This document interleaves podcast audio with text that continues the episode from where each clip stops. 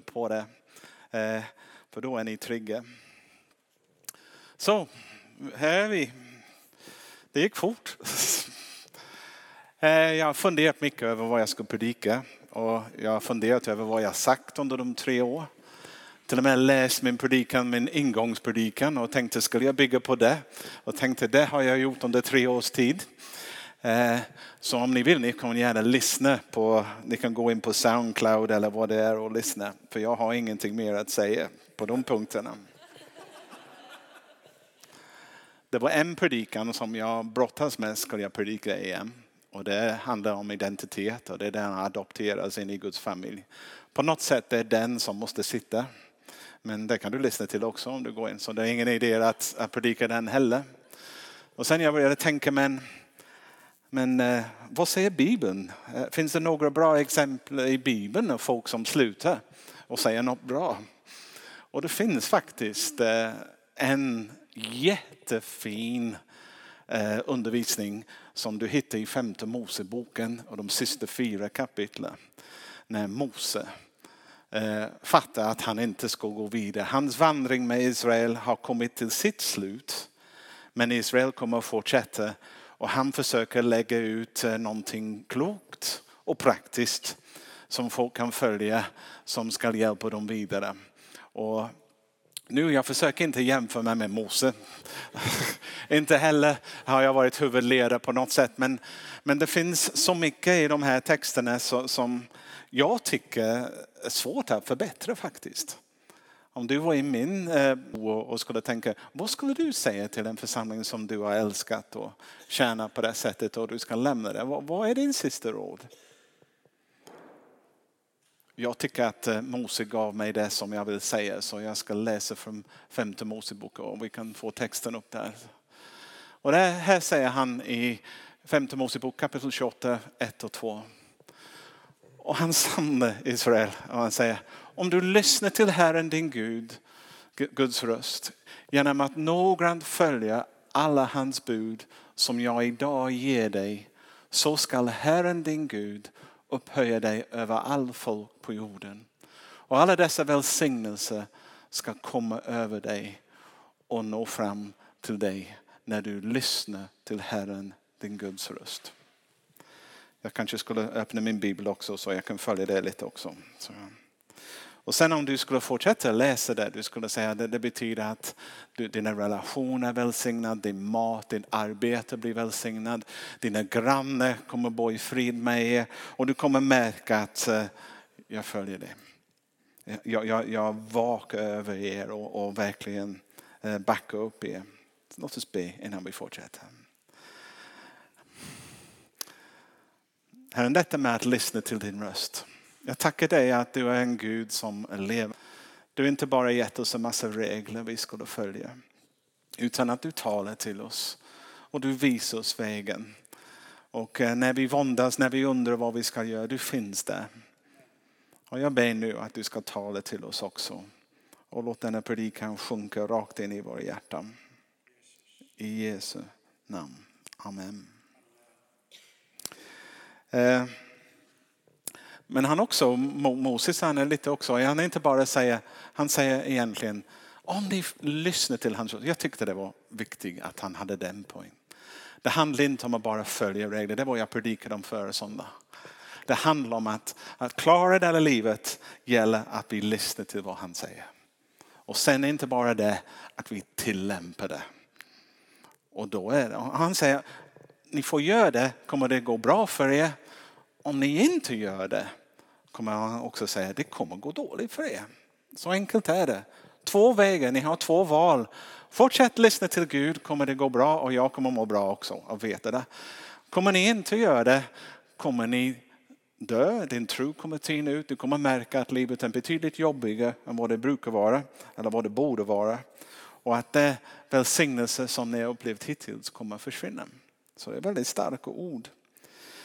Jag tänkte Mose. Jag gillar Mose väldigt mycket för när du läser de sista kapitlen av hans liv, du märker att han är supertydligt när det gäller vad är rätt och fel på det sättet. Men du också ser, här finns en man som har vandrat med Gud hela sitt liv. Och det finns så mycket nåd i det. Det finns så mycket förståelse. Han till och med säger till dem, om, om det ändå går dåligt för er, glöm inte att vända om. För Gud är en barmhärtig Gud som hör. Han kommer hjälpa er, han kommer lyfta er. Glöm aldrig det. Och jag vill säga detsamma. Sen jag har skrivit upp en, en annan bibelvers som handlar lite om Moses. Så ni får tänka. I Israel uppstod ingen mer profet som Moses som Herren kände ansikte mot ansikte. Inte om man tänker på alla de tecken och under som Herren sände honom att göra i Egyptens land. För farao och alla hans tjänare och hela hans land. Och på alla de väldiga kraft. Alla de stora och förundliga gärningar som han gjorde inför hela Israel. Så vi nu läser de ord av en man som, som kände Gud ansikte mot ansikte, väldigt nära och väldigt klok. Och jag tycker man kan sammanfatta hans råd till oss. Gör allt ni kan för att lyssna till Gud, vad Gud säger och lyda. Gör ni det kommer det gå bra för er. Gör inte det kommer ni märka att livet blir tufft för er. Det är en sammanfattning av vad Moses säger i slutet av sitt liv. Och egentligen Jesus säger någonting likadant när man tänker på Jesus och man tänker på bergspredikan. Vad står det där? Det står en annan underbar text. Jesus säger gå in genom den trånga porten. Den port är vid och den väg är bredd som leder till fördärvet. Och det är många som går in genom den. Men den port är trång och den väg är smal som leder till livet. Och det är få som finner det. Så, så Jesus pratar också om två vägar. Och vi har ett val. Det finns en bred väg som är lätt att gå. Och det finns en smal väg som vi får kämpa lite för att komma igenom. Eh, och jag tror att de orden är sant för oss. Jag ska säga det är sant för mig, det är sant för er också. Att det finns ett sätt att leva vårt liv som är lätt. Och det finns ett sätt som är lite svårare, det är den smala vägen att verkligen söka Gud, att ta tid att höra honom och sen försöka fullborda vad han säger. Det är en smal väg och det är lite jobbiga, inte lika lätt. Och jag kanske skulle säga, jag säger så här, om du upplever att livet är lätt och det är kul och sånt sådär och, och du bara går, oh, underbar, se upp, du får säkert på nedförsbacken. Det det är varningssignal. Om allt går bra, för bra nästan, då är det inte säkert att, att, eh, att du är på den väg som Gud vill ha dig. För när man följer Gud, det finns det lite motstånd som kommer. Du kommer märka att, att det, det, det går emot köttet i dig. Det går emot din, ja, din, du vill något för Gud men, men någonting i dig går i upprör mot det och vill stoppa det. Och det är ett tydligt tecken att, att du är på rätt väg. Men om det är bara mm, du coasting, det kan vara hur fel som helst. Nu förutsättningar kan variera men den smala rätta vägen alltid leder till liv. Ja, jag vet inte. Ibland är det svårt att se den stora förändringen som kan ske när man börjar följa Jesus. Eh, jag tänkte ge ett exempel för min pappa. Min pappa växte upp i en dysfunktionell familj. Eh, hans pappa var alkoholist och, hans mamma var inte så, så, så mycket bättre heller. Så i det huset som de växte upp på, de var tio stycken barn. Han var den äldste. Eh, det hände ofta att det inte fanns mat i huset. Eh, pappa hade druckit upp alla pengar så det inte fanns någon mat att gå. De frös för att det fanns ingenting heller för att det fanns ingen central värme. Det var bara kol som gällde. Eller något man måste elda i spisen för att få värme i huset. Han hade problem också att eh, tvätta. Det fanns ingen tvättmaskin och man bara värmde upp vatten och tvättade. Och han hade problem att de hade bara stora madrasser som de sov på golvet och han sov med sina systrar och alltihopa och en av hans systrar kissade på sig varenda natt. Så, så han, han sa att han stank. Men han hade ingen möjlighet att, att tvätta sina kläder. Han hade börjat gå in hans pappa spår. Han sa att han kedjerökte vid 12 års, när han var 12 år gammal. Han drack upp det som han hittade också. Och sånt, men det var någon missionär som hittade honom, en stadsmissionär och, och började få honom på rätt väg. Och han fattade beslut att även som det är en, en ung kille ska man säga, skulle han börja följa Jesus. Och han ska börja ta ansvar för sin familj. Även om hans mamma och pappa inte gjorde det. Eftersom han var äldst.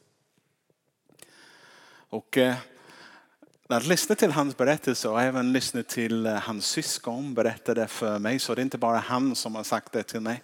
Det, det var syskon. Och så. Han var upp först. Han försökte se till att maten hade gömt några frukost för, för hans syskon. Han var ute och stal kol från kraftverket nära till så att det fanns någonting att värma upp huset med. Eller fixa till det på något sätt att det skulle bli varmt och sånt. Och han bad Gud om hjälp. Och han säger han såg tydligt hur Gud hjälpte till hela vägen och hans liv började förvandlas. Och det är inte bara hans liv men också hans familj börjar förvandlas. Och det dröjde inte så länge tills hans föräldrar hade blivit kristna, till och med hans, hans syskon. Eh, och det, han var första generation kristen i sin familj. Och det mer han, han följde Jesus, det mer han fixade till livet och ibland han lyfte sig ur denna misär och började få ett liv. Men vad jag försöker säga till er, ni, ni, nog har haft ett tufft liv också, jag vet var ni kommer ifrån. Det hände det inte på en gång. Han tog inte emot Jesus och sen bang var allt underbart. Det var en inriktning han tog eh, och han började följa det konsekvent. Och det ledde till ett förvandlat liv, inte bara för sig själv utan för hela familjen. Och också det ledde till mitt liv ska förvandlas. För om du tänker på det, min pappa hade aldrig haft en kräxt. Han visste inte vad det var att ha kristna föräldrar. Han visste inte vad det var att ha en funktionell familj. Han hade aldrig varit med i en familj som kunde hantera konflikter och allt sådär. Så han, han, han hittade på under resans gång lite grann, Gud vad gör jag? Och jag minns en gång när, när han hade ingen förebild att följa. Och de förebilder som fanns i kyrkan som vi växte upp i, de var så stränga och hårda, de skrämde livet ur oss. Det var en lagisk församling som väldigt svart och vit och du måste, måste, måste. Och eh, jag minns en gång vi hade predikanten hemma hos oss och vi, vi killar, vi, ja, fyra bröder så vi var fem stycken. Vi, denna predikant tyckte att vi skulle alla sitta stilla på en söndag och inte göra något. Eh, och, och vara fridfull.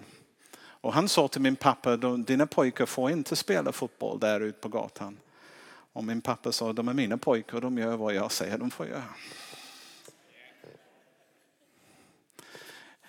Han stod upp för oss. Jag minns en gång han stod upp för oss mot en annan. Och jag frågade honom efter, hur visste du det? Han sa, jag visste inte det. Jag bara, jag bara kände, det är fel. Han hörde Guds röst som säger, följ inte denna pastor. Följ inte honom. Och den intressanta, den pastor jag kände hans också. Och tragiskt. Denna pastors äldste son tog livet av sig. Och dotter hade ganska miserable existence också. Eh, men min pappa han lyckades ganska bra. Jag ska säga, den smala vägen den, den fortsätter hela livet. Och det finns utmaningar som vi möter. Och sen hur följer vi den? Och, och jag tyckte faktiskt när jag ser tillbaka till mitt liv, jag tackar Gud att min pappa var en förebild för mig. Nu, han var inte perfekt, jag skulle säga han var långt ifrån perfekt ibland. Men jag har försökt att förbättra hans insats. Nu har jag till exempel, när jag växte upp, jag har en förebild nu. Ja, jag har min pappa och mamma. Så, så jag försökte lära mig också, men, men plötsligt nu när jag, inte nu, nu är det förbi. Eh, när jag fick förmånen att ha en familj också jag kunde tänka att ah, jag kan förbättra det som min pappa gjorde. För Gud hade visat mig också under resans gång. Jag ska inte göra saker precis på det sättet. Och vi kan vara bättre. Det ska inte vara någon skrikande i vårt hus. För när, när jag växte upp det var lite kaotiskt ibland. Och jag kan ärligt säga, jag tror inte vi har haft det hemma hos oss. Nu mina barn, jag har tillbringat lite tid med två, familj, två av mina barn nyligen och sett hur de uppfostrar sina barn som kristna också. Och jag tycker de gör det bättre än vad, vad jag har gjort. Eller vad tycker du Karen? De är väldigt, väldigt fina ibland. Om man tänker, det började genom att en människa för många år sedan fattade ett beslut att jag vill följa Jesus, lyssna till hans röst. Och det ger avkastning hela vägen. Och jag kan säga för att uppmuntra er, ni som är, på ny, som är just startat, du kan säga att mitt liv är ganska kaotiskt. Det finns inte så mycket som är på plats som det borde vara. Jag vill uppmuntra er, håll i. Var inte distraherad. Vik inte av till vänster eller höger. Lyssna inte till en massa andra röster. Se till att du söker Jesus. Se till att du läser ditt ord. Se till att du tar tid att ställa frågor till honom. Många människor säger, jag har aldrig hört Gud tala. nästa fråga jag brukar ställa, har du ställt några frågor till honom då? Det är otroligt hur mycket han pratar när man, när man ställer frågor, öppna frågor till honom. Istället för att, oh, Gud hjälp mig, jag börjar ställa, vad tycker du om det? En sån öppen fråga. Han älskar dem. Och du kommer höra hans röst. Och när du hör det, det gäller bara att tillämpa det. Bara. Då, då är det en annan sak också. Så det går.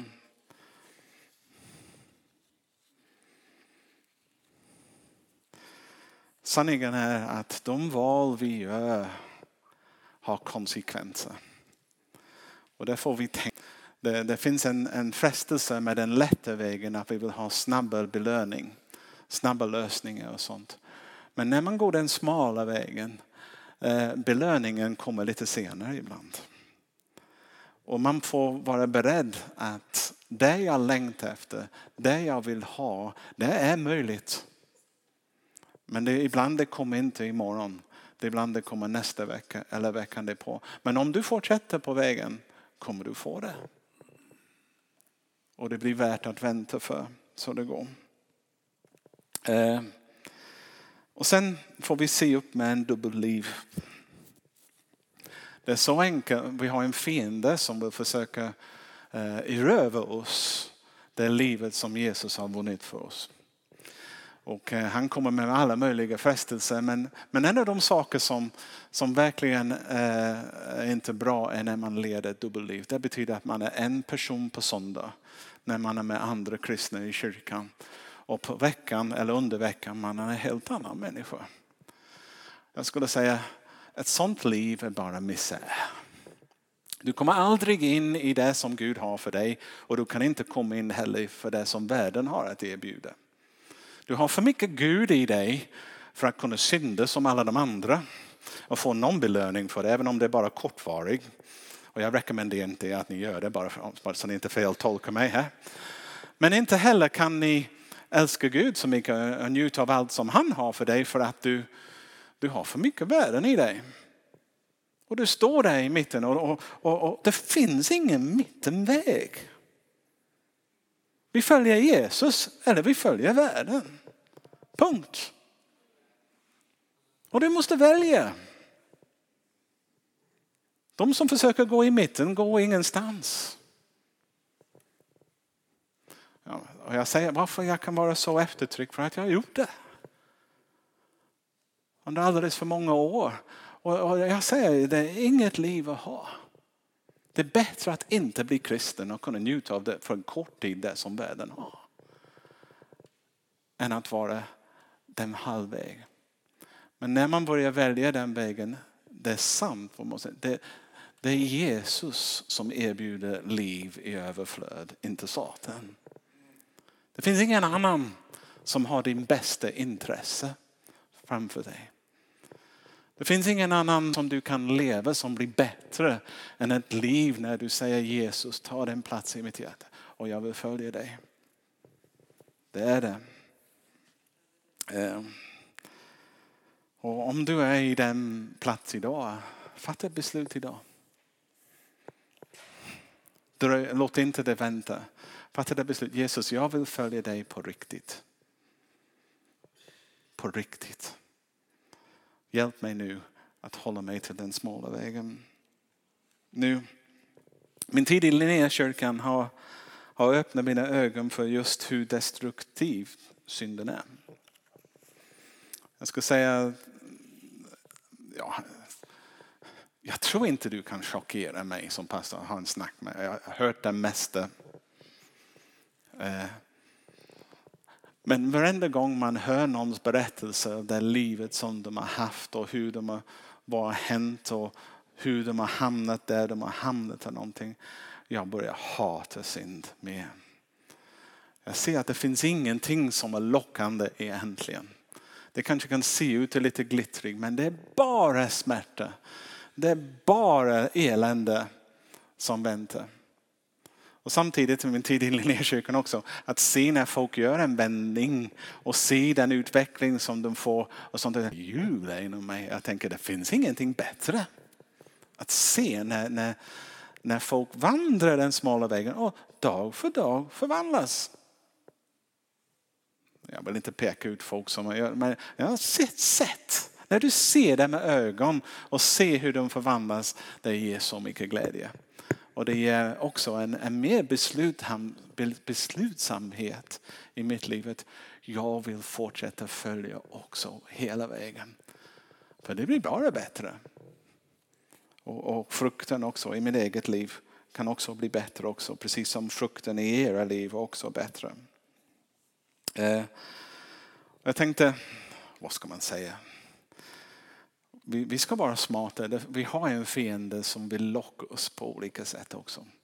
Det, och det är det som gör det så jobbigt. Och det är detta med pengar, sex eller makt. De tre huvudsakerna som alltid i olika former eller på något sätt försöker få oss att ägna vår uppmärksamhet mot dem. Och det kommer inte leda någonstans. Det är fördärvligt. Det, det, det, det, är inte värt att gå för. Men det finns en annan sak som kanske är minst lika viktig. Och det är det med, med oförsoning. Att vara bitter. När du inte förlåter någon som har sårat dig, eller så är det, det dig själv som du skadar mest. Du, du, du börjar grubbla över allt som är fel och, och, och på något sätt du, hela din kropp går inåt. Och du blir nästan böjd också, även kroppsligt av det. Och det hatet förstör ditt liv. Och varenda gång vi, vi har synd med oss, det stinker. Det är lite grann som eh, jag kommer ge en jättegrov bild och jag ber om ursäkt för det. Men att leka med, med, med synd eller återvända till sin, Bibeln säger som en hund som återvänder till sin spy. Jag skulle säga att varje gång du tar någonting som är så jobbigt, och sånt, så det är som att gå och stoppa handen ner i toalettstolen och kolla på någonting. Uh, det stinker, det gör så mycket ont. Sen du ställer tillbaka. Men när du går därifrån, du luktar. Och andra människor får del av den lukten också. Och de vill undvika dig också. Det gör dig oattraktiv. Det gör dig till någon som vill hålla dig borta från. Och det är oförsoning. Det är när man håller i saker som man borde ha förlåtit och släppt. Och du tvättar dina händer i Jesu blod och säger ja, ja, ge förlåtelse. Det spelar ingen roll om du får det tillbaka. Du kanske kan tänka det är de som borde be mig om förlåtelse med tanke på vad de har gjort eller sagt eller vad jag vet inte. Men förlåtelse är någonting man erbjuder så fort man kan så att man kan gå fri. För det, det låser alldeles för många av oss. Det har låst mig för, för, många, för alldeles för många dagar av mitt liv har jag, har jag tappat. Och varit nästan oanvändbar av Gud på grund av att jag släpper. Så nu bestämmer jag faktiskt väldigt fort att jag släpper det. Och det är ganska befriande att göra. Det finns en annan sak också vi, vi måste göra. Fienden är väldigt duktig att tala om för oss hur dålig vi är. Och det är att lära, lära sig skillnad mellan Guds röst och fiendens röst. Nu har jag sagt det flera gånger så ni kanske, jag kanske bara upprepar det. Alltså. Fienden kommer alltid försöka övertala dig att du är värdelös. Det synd som du har begått är så stort nu så att du har, du kört. Och, och, om du upplever som du fördöms på något sätt av någon inre röst och skam och skuld kommer på och du bara, du bara märker i din kropp, du går ner så här och, och tänker det är väldigt... Oj, oj, oj. Det är inte den heliga ande.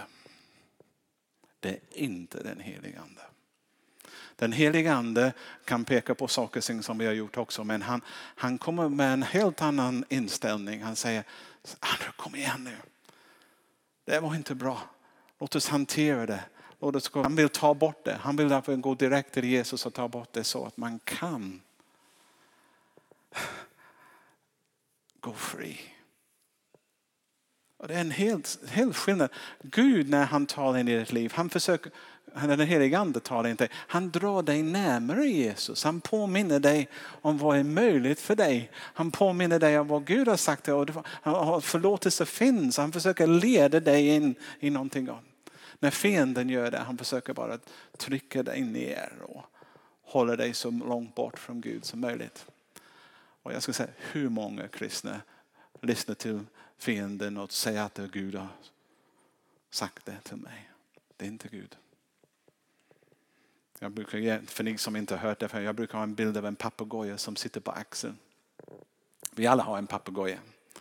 Det är inte så snäll. Och han kan påminna mig till exempel, Andrew, vem tror du att du är? Att du står där och säger, jag vet vad du har gjort. Och sånt. Jag, jag kunde till min papegoja, ja, jag är Guds barn, förlåten tack vare Jesus, kallad av honom för att göra det som jag gör. Ja, vem är du? Men om han påminner mig om en synd som jag gjort och jag säger, ja, är det inte fantastiskt? Gud har förlåtit mig. Tänk att det finns en sån Gud som, som förlåter och återställer. Det är vad Jesus har gjort för honom. Om han skulle påminna mig om någonting som jag inte bett om förlåtelse för eller inte omvänt mig från. Tack att du påmint mig att ta det direkt till Jesus. Om du behandlar din papegoja på det sättet, snart blir han en underlat. För han gillar inte att höra talas om Jesus. Men om du ger honom din öra lite för mycket, han växer så han är som en stor struts som sitter på axeln. Och du kommer gå runt så här. Lär dig att släcka fiendens brinnande, brinnande pilar med trons sköld. Och trons sköld är sanningen som Bibeln säger. Men det säger nej. De bara går in om du släpper dem in. De är bara brinnande om du lägger ner din sköld. Och din sköld speciellt när, när fienden försöker säga att du är ful, du är oduktig och sånt sådär. Om du lyssnar till sådana saker, du blir skadad. Eller du som, jag kan bara engelska, Jag säger no I am fearfully and wonderfully made. Precis som David sa. Och jag kan säga sant framför er, Gud älskar mig, han tycker jag är fantastisk. Han tycker jag är snygg med också. Jag kan titta i spegeln och tänka, vilken häftig kille, eller hur?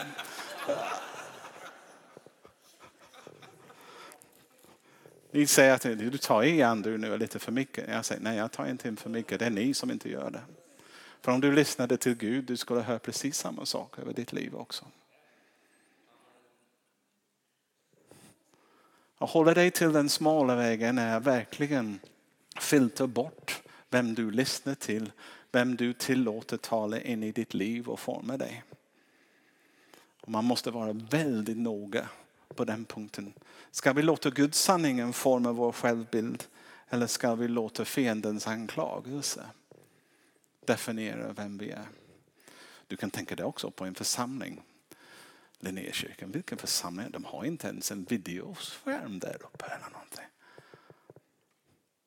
Titta runt, det är ingen stor häftiga människor här. Eller man kan titta med Jesu ögon och tänka. Och han tittar och säger, det finns prinsessor överallt och prinsar. Vilken fantastisk människa, vilken förutsättning. Vems ögon vill du se igenom? Vill du se genom världens ögon eller vill du se genom Jesu ögon? En kommer hålla dig på den smala vägen. Kommer ta dig in i fördärvet om du följer den. Nu vill jag läsa en lite lång bibeltext för, för vi kommer till Mose. Här ser vi hans hjärta. Vi har lite musik också. Tack Tord. När allt detta kommer över dig. nu hamnar nu han är in på sista talen till det. Han säger, när allt kommer över dig, välsignelse och förbannelse som jag har förlagt dig, ska du ta det till ditt hjärta bland alla de hedna folk ditt Herren din Gud har fördrivit dig.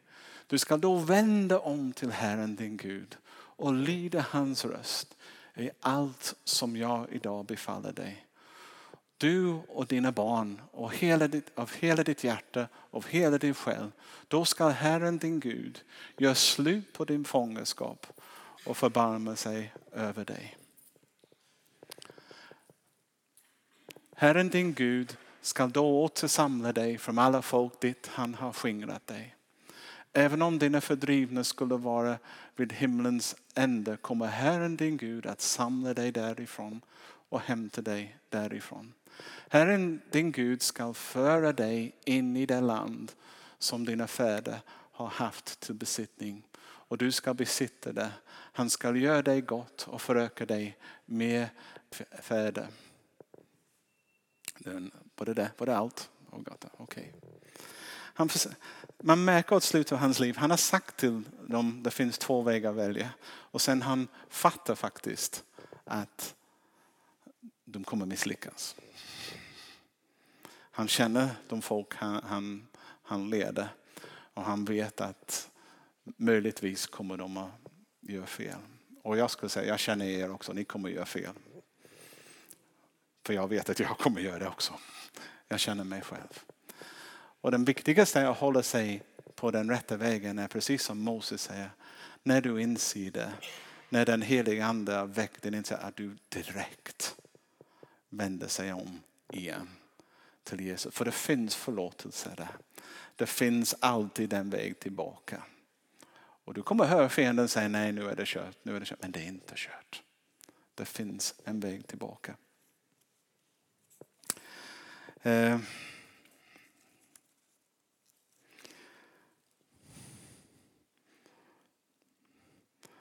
Jag, måste, jag, jag avslutar här. Jag avslutar med den bästa texten och det är från vers 30, 11 till 14. 11 till 14, det är det. Han säger så här. Det, det är min predikan som jag gett till er. Okay. Det bud som jag idag ger dig är inte för svårt för dig och det är inte långt borta. Det är inte i himlen så att du behöver säga vem vill för, för oss stiger upp till himlen och hämta det åt oss och låt oss höra det så att vi kan följa det. Ordet är inte heller på andra sidan havet så att du behöver säga vem vill för oss fara över till andra sidan havet och hämta det åt oss och låt oss höra det så att vi kan följa det. Nej, ordet är dig mycket nära. I din mun och i ditt hjärta så att du kan följa det. Var och en av oss som har tagit emot Jesus som vår Herre och Frälsare och vandrar den smala vägen kommer höra Gud. Det är inte att han är långt borta. Du behöver inte säga jag behöver hjälp. Det är här inne. Hans ande bor i dig. Så att lyssna till hans röst kräver inte att du åker till USA till en speciell konferens eller någonting annanstans. Det är bara att du, Gud du finns i mig. Tala nu. Det är ganska tryggt. Du kan, du, du kan göra det på ICA. Du, kan göra det. du behöver inte vänta till nästa söndag så att Jakob kan tala till dig. Du kan vända dig till Gud var än du är och hör hans röst och fråga till dig. Så, min sista ord är välj smart. Välj den smala vägen. Håll er så gott ni kan till det. Och inte bara dig själv. Försök att skapa en kultur när ni hjälper varandra att hålla det och uppmuntra varandra också. Att hålla sig till den vägen. Det ger liv. Och det mer liv ni har, det mer ni kan dela, det mer andra kommer att smaka också. Så var smart. I Jesu namn. Amen. Amen. Amen. Mm.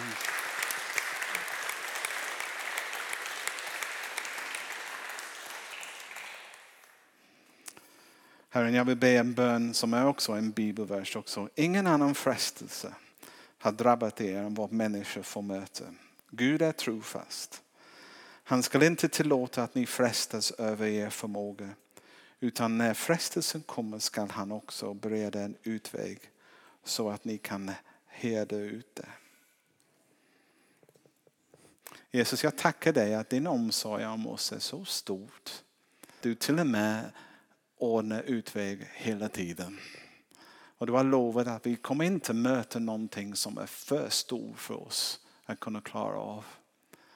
Men jag ber för mina vänner här i Linnékyrkan att du alltid hjälper dem hitta den andra vägen som du visar. Och ge dem den frimodighet eh, och mod att ta den. Och jag ber att längtan att följa dig ska vara starkare än alla andra längtan. Och att du ska välsigna dem med alla de välsignelser som är möjligt för människor här på jorden att kunna ta emot. I Jesu namn. Amen. Amen.